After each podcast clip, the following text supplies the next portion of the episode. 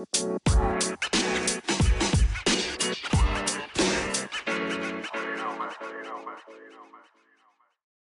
Dzień dobry, dzień dobry. Witam Was bardzo serdecznie. Z tej strony Norbert Paradowski z bloga lenistwokontrolowane.pl, a to jest podcast Szkoła Determinacji i właśnie jesteśmy w samym środku cyklu dotyczącego przyczyn prokrastynacji, czyli przyczyn tak popularnego, tak wszechobecnego, tak drążącego nas i kilującego nasze fajne pomysły odkładania na później. Większość osób odkłada na później, większość osób ma z tym problem, więc tym problemem się zajmiemy. Jeżeli poznamy przyczyny odkładania na później, to będzie nam zdecydowanie łatwiej sobie z tym poradzić. Jednocześnie też warto sobie uświadomić, i mówię o tym chyba w każdym odcinku, że samo odkładanie na później, sama prokrastynacja nie jest problemem, jest jedynie i wyłącznie symptomem. Dlatego tak ważne jest dotarcie do przyczyn. A dzisiaj temat, przyznam, że dla mnie bardzo istotny, bo podchodzę do niego nieco osobiście. Będziemy mówili o perfekcjonizmie. Większość z osób, które odkłada na później, w jakimś stopniu, mniejszym lub większym, doświadcza perfekcjonizmu. Więc jeżeli zrozumiesz mechanizmy działania perfekcjonizmu, a skoro dosłuchałeś aż do tej pory, to zakładam, że jesteś tu i słuchasz mojego głosu, bo chcesz je zrozumieć, to automatycznie będzie ci łatwiej poradzić sobie z tym konkretnym problemem. I to w praktyce oznacza, że w Twoim życiu będzie mniej prokrastynacji, a do tego właśnie dążymy. Żeby było jej mniej, to trzeba zrozumieć przyczyny, więc dzisiaj jedną z tych przyczyn się zajmiemy. Jednocześnie też, jeśli nie słuchałeś poprzednich odcinków, to bardzo serdecznie Ci polecam wszystkie odcinki dotyczące przyczyn prokrastynacji. To jest trzeci, prawdopodobnie będzie ich trochę więcej, będzie czwarty, może nawet piąty i szósty.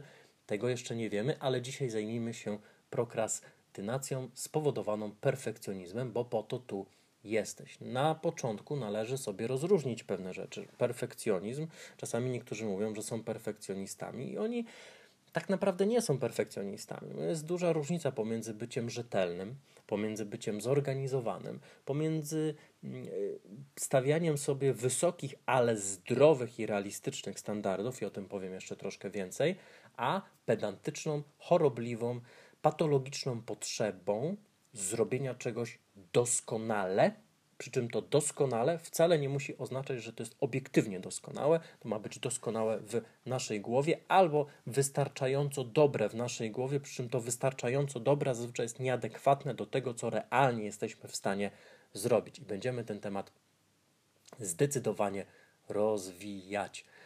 Warto zadać sobie pytanie, czy odkładam to zadanie, które odkładam, bo mamy jakieś zadanie, które odkładamy, z obawy, że nie uda mi się spełnić moich wyśrubowanych standardów, które są standardami dążącymi do perfekcji i wszystko poniżej perfekcji jest kompletnie nie do przyjęcia, albo też są standardami, które są nieadekwatne do tego, co ja mogę i potrafię.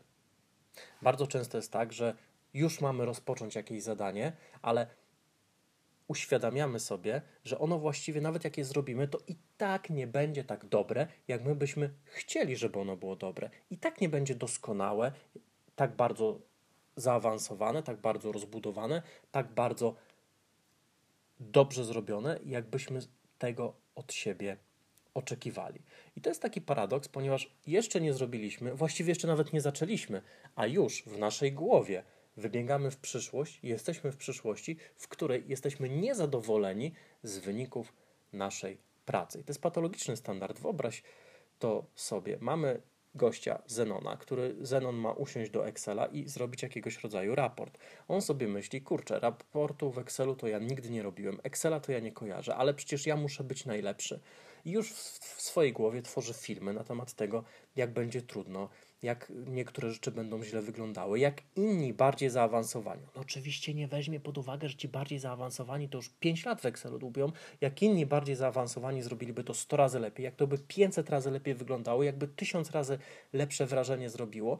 I ten Zenon jeszcze zanim naciśnie pierwszy guzik na klawiaturze, zanim kliknie pierwszy raz w myszkę, już jest niezadowolony z efektów swojej pracy. Jeżeli coś takiego zrobisz w swojej głowie, no to automatycznie poczujesz różne nieprzyjemne emocje, które będą blokowały Twoje działanie. Tam jest jeszcze jedna rzecz bardzo istotna. Otóż osoby zmagające się z perfekcjonizmem częstokroć przyklejają poczucie własnej wartości do efektu pracy.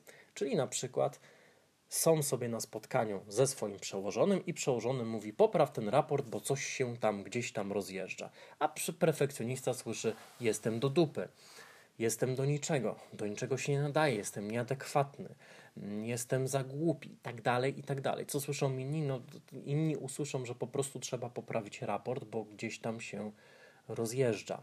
Perfekcjonista usłyszy to zupełnie, ale to zupełnie inaczej. Więc jeżeli doświadczasz czegoś takiego, czyli jeżeli doświadczasz tego, że w jakiś sposób efekty Twojej pracy mm, świadczą o Twojej tożsamości, o tym, jakim jesteś człowiekiem, o tym, mm, jakie masz zdolności i inteligencję, to istnieje ryzyko, że zmagasz się w jakimś stopniu z perfekcjonizmem.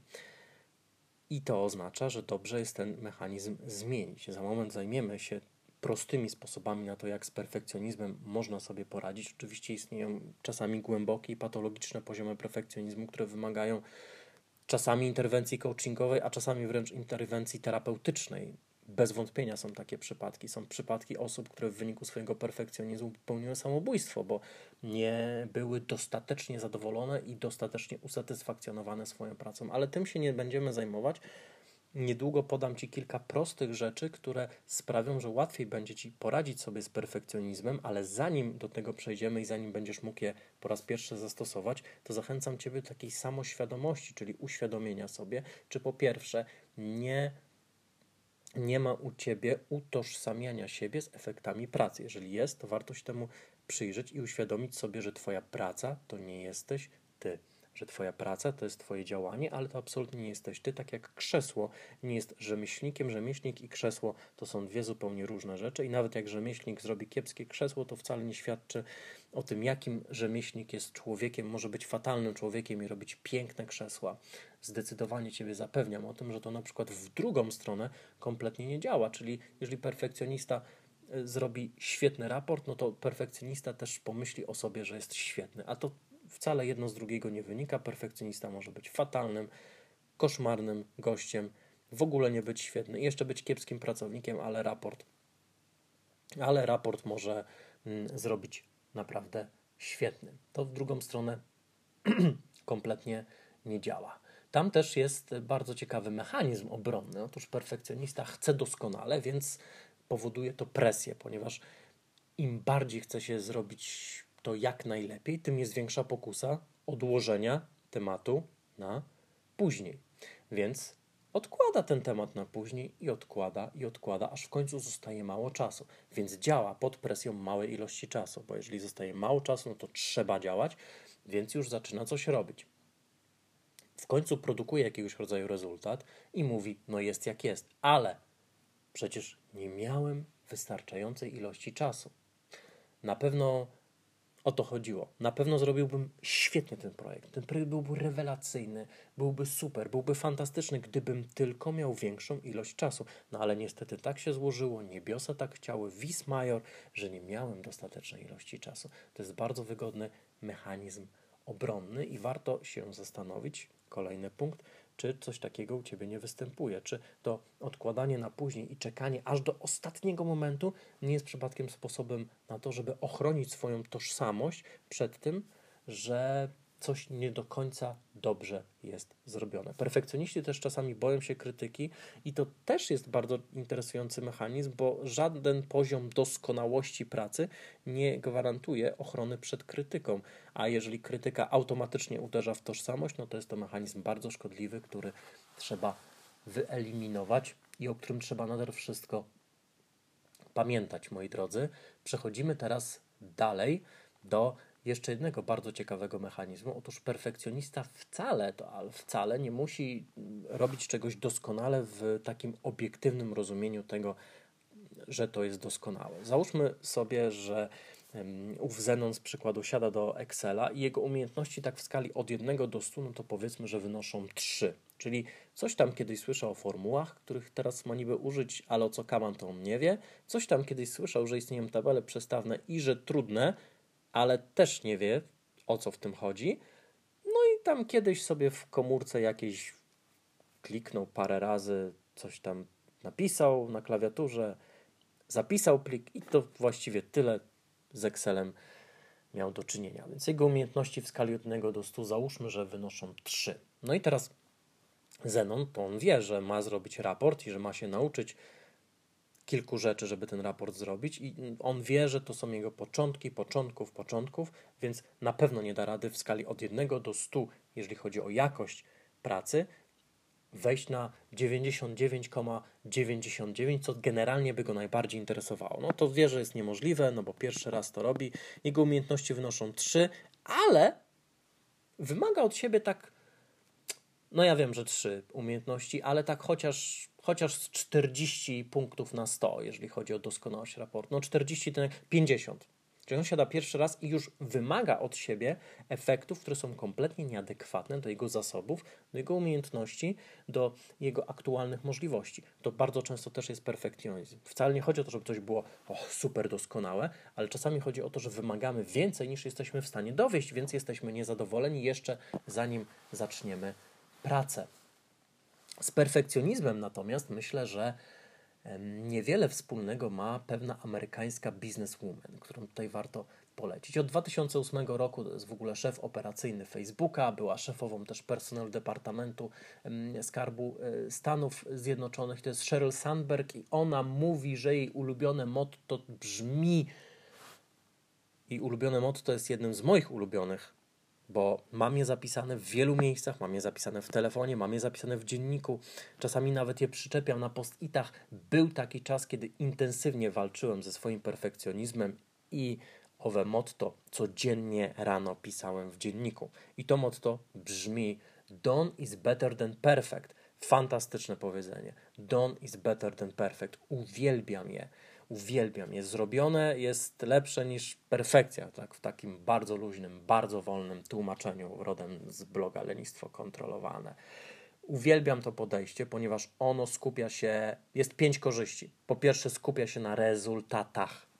Po drugie, sprawia, że unika się paraliżu, unika się prokrastynacji, oszczędza masę, ale to masę czasu oraz punkt yy, ostatni zwiększa produktywność. Zwiększa produktywność z tego względu, że nie skupiamy się na tym, żeby coś było perfekcyjne, tylko automatycznie przenosimy nasz punkt skupienia na to, żeby coś zostało zrobione. Na tej zasadzie można ćwiczyć Zrobiony trening jest dużo lepszy niż trening perfekcyjny. De facto ludzie bardzo często odpuszczają trening, bo stwierdzają: O, dzisiaj to nie mam siły na mój standardowy trening, ja dzisiaj to jestem padnięty, dałbym radę tak z 30%, to nie warto, jutro, jutro przycisnę. I to jest poważny błąd, bo po pierwsze, jak już by się rozgrzali i weszliby w ten rytm, to nie byłoby 30, a 70% co najmniej, jak nie zrobiliby standardowego treningu, bo mózg ich po prostu oszukuje. I kolejny punkt jest taki, że done is better than perfect, więc lepiej zrobić 30% treningu niż nic. I kolejny punkt jest taki, że jeżeli się odpuszcza, to buduje się nawyk odpuszczania, a jeżeli się działa, to buduje się nawyk działania. To jest bardzo proste, bardzo istotne, bardzo prawdziwe i bardzo, bardzo warte tego, żeby to zastosować natychmiast. Done is better than perfect. I drugie powiedzonko, które bardzo lubię, niestety nie przytoczę autora. Nie przytoczę autora, ponieważ usłyszałem to powiedzenie kiedyś parę lat temu podczas jakiegoś podcastu, który mi umknął i nie mam jak do tego wrócić i internet nic nie mówi. Jak znacie autora tych słów, to e, bardzo bym prosił. Wiem jedynie, że jest to Polak, i jest to e, prawdopodobnie doktor filozofii, który stwierdza, że wszystko da się zrobić, byleby się robiło. I to też jest ważne, ponieważ kolejny raz przysuwa punkt koncentracji na tym, żeby robić, a często dostajemy więcej tego, na czym się skupiamy. A jeżeli skupiamy się na tym, żeby robić, to prawdopodobnie będziemy więcej robić, szczególnie jeśli skupimy się na tym, żeby robić i żeby to nie było perfekcyjne. Ostatnia strategia, którą Ci podrzucę, to kryteria zadowolenia. Tak jak mówiłem wcześniej, kryteria mogą być dwojakie. Albo coś ma być perfekcyjnie, czasami obiektywnie to musi być perfekcyjne, albo przynajmniej obiektywnie najlepsze. W zasadzie najlepsze w firmie, albo najlepsze, muszę być najlepszym z braci w rodzinie, albo najlepszy wśród koleżanek, kolegów itd., tak itd. Tak A czasami mam mamy kryteria, że to musi spełniać nasze wyśrubowane wymagania, wyśrubowane i perfekcjonistyczne, czyli niekoniecznie adekwatne do tego, co aktualnie jesteśmy w stanie zrobić. Więc te kryteria warto czasem zmienić. Po pierwsze, jeżeli ja od siebie wymagam i ja nie jestem w stanie zrobić czegoś, co od siebie wymagam, no to warto zmniejszyć wymagania względem siebie. Ale po drugie, e, jeśli na przykład siebie nie mogę w jakiś sposób zaspokoić, zadowolić i usatysfakcjonować bez realizowania niemożliwie perfekcjonistycznego standardu, to może zdecydowanie lepiej byłoby obrać inne kryterium, na przykład zapytać się samego siebie, czy klient byłby zadowolony. Bo moja praca wcale nie musi mnie satysfakcjonować, jeżeli na przykład tworzę jakiegoś rodzaju kurs, to jeżeli on miałby mnie satysfakcjonować, no to ja bym go 4 lata robił, bo ja bym go teraz 16 razy poprawił, 15 razy zmienił oświetlenie, 17 razy mm, zmieniłbym audio i tak dalej. W nieskończoność bym go robił. Prawdopodobnie po kilku latach bym stwierdził, że kurs już jest prawie gotowy, tylko jeszcze ostatnie poprawki nanoszę i kolejne dwa lata te ostatnie poprawki bym nanosił. No dobrze, troszkę hiperbolizuję, ale czasami perfekcjoni, ludzie zmagający się z perfekcjonizmem tak mają. Więc ja bym zastosował zasadę done is better than perfect. Zrobię to w miarę sensownie, tak jak potrafię i kryterium jest to, czy klientowi się podoba. Na przykład wypuszczając swój pierwszy kurs w formie e-booka, ale nie e-booka, gdzie 20 albo 10% jest realnej treści, tylko e-booka zrób sobie determinację, który jest po prostu zestawem uber, hiper, duper praktycznych ćwiczeń do zastosowania natychmiast, które zwiększają determinację szybko, który pokazuje ów e-book mój system budowania determinacji, z którego sam korzystam koncentrowałem się na tym, żeby done is better than perfect było z jednej strony, a z drugiej strony koncentrowałem się na tym, żeby klient był zadowolony. Jak na przykład ja bym tam kilka rzeczy prawdopodobnie zmienił, ale jak na przykład klient mi pisze, hej, przerobiłem, jest super, zapłaciłbym cztery razy więcej, w ogóle rewelacja, wdrożyłem to, wdrożyłem strukturę nawyku, dzięki temu skupiam się teraz na najważniejszych rzeczy i tak dalej, i tak dalej, no to stwierdzam, że być może moich akurat z czasów robienia tego dokumentu standardów nie spełniałem wtedy robiąc go i musiałem się zmagać z tym, że Don is better than perfect. Teraz te standardy są bardziej zdrowe i być może to wtedy z tamtych czasów nie zostało spełnione, ale jestem obecnie z siebie zadowolony, bo klient jest zadowolony i ostatecznie robię to dla klienta, a niekoniecznie dla siebie, bo to jest produkt dla klienta, a nie dla mnie, bo to jest rzecz, z której klient ma skorzystać, a nie ja. Ja mam ten system dla siebie w wersji swojej własnej, telefonowej, na Google Docs i tak dalej. Ja z niego korzystam dla siebie, ale klient dostaje wersję kliencką dla siebie i on ma być z tego zadowolony. Więc takie podejście, kiedy jest zmiana punktu skupienia, może bardzo dużo zmienić w perfekcjonizmie. Z mojej strony na dzień dzisiejszy to jest wszystko. Zachęcam Was jak zwykle Zerknijcie na mojego bloga Lenistwo Kontrolowane, kupcie program Zrób sobie determinację, bo jest dobry i bardzo go lubię. I będzie wersja 2.0, a potem może nawet 3.0, bo prawdopodobnie będę go rozwijał. Pozdrawiam Was bardzo serdecznie, trzymajcie się, cześć.